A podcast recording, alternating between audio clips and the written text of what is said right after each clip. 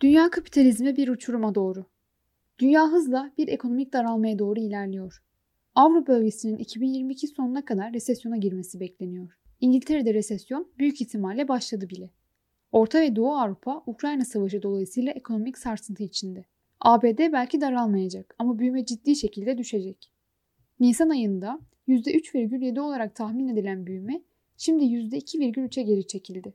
Son çeyrek yüzyılda özel olarak da 2008 finansal çöküşünden bu yana dünya ekonomisinde lokomotif rolü oynayan Çin'de de büyümenin çok uzun zamandır ilk kez çok zayıf olması bekleniyor. Rusya rubleyi kurtardı. Ama yaptırımlar dolayısıyla ekonomisi ciddi bir küçülmeye uğradı bile. Ukrayna'da ise ekonomi derin bir çöküntü yaşıyor. Emperyalizmin vekili, emperyalizmin ihanesiyle ayakta duruyor.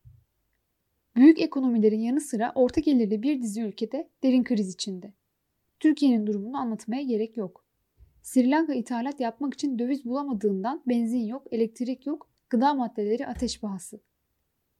Lübnan'da bankalar devlet kararıyla mevduat sahiplerinin parasını ödemiyor. Yoksa hepsi çökecek. Geçenlerde bir vatandaş silahla bankaya girip kendi hesabından para çekti.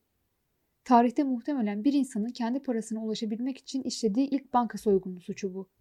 Pakistan ekonomisi iflasın eşiğinde.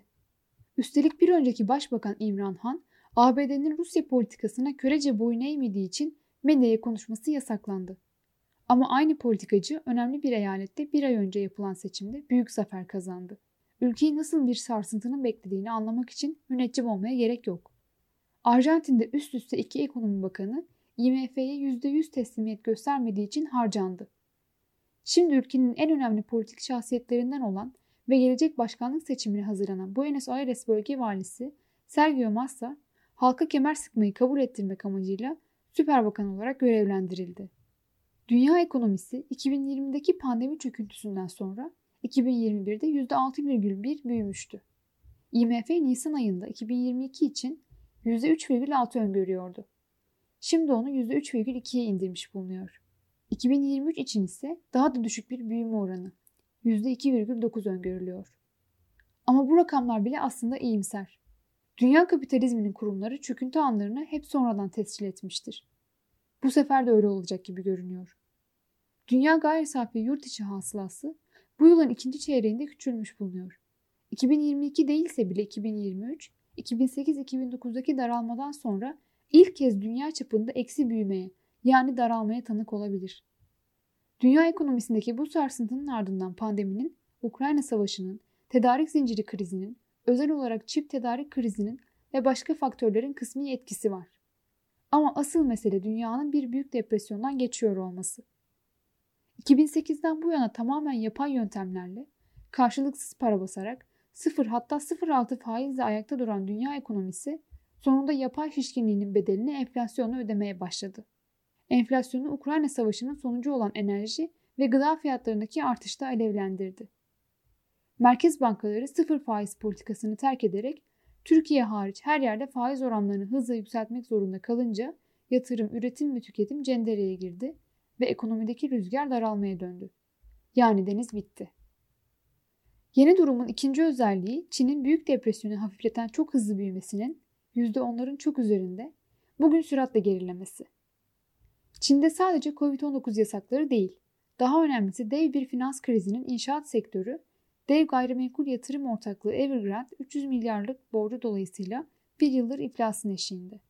Ve yerel yönetimleri iflas tehdidiyle karşı karşıya bırakması da büyümeyi yavaşlatıyor. Üçüncü büyük depresyonun en başından 2008'den beri söyledik yazdık. Bu büyük depresyonun ilk ikisinden daha tedrici gelişmesinin iki ana nedeni var. Üçüncü büyük depresyonun en başından 2008'den beri söyledik yazdık. Bu büyük depresyonun ilk ikisinden daha tedrici gelişmesinin iki ana nedeni var. Burjuva devletin ekonominin yaralarına geçici pansuman yapmakta ustalaşmış olması ve kendi dinamikleriyle gelişirken dünya ekonomisini de ayakta tutan Çin'in hızlı büyümesi. Şimdi ikisi de sona eriyor. Öyle görünüyor ki 3. büyük depresyon depresyonluğunu asıl şimdi gösterecek. Bu gelişmenin dünya çapında sınıf mücadeleleri açısından anlamı açık.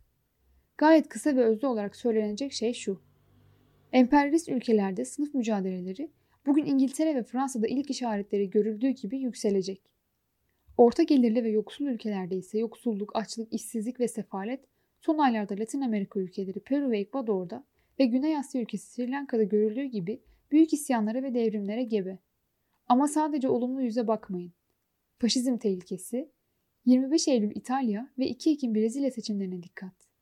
Ve elbette Dünya Savaşı tehdidi de derin kriz ortamında hızlanır ve büyür. Bütün ülkelerde kapitalist sınıf halk ayaklanmaları sigortası uygulaması telaşı içine girmiş durumda. Türkiye işte tam da bu koşullarda önümüzdeki 9 ay içinde sandığa gitmeye hazırlanıyor.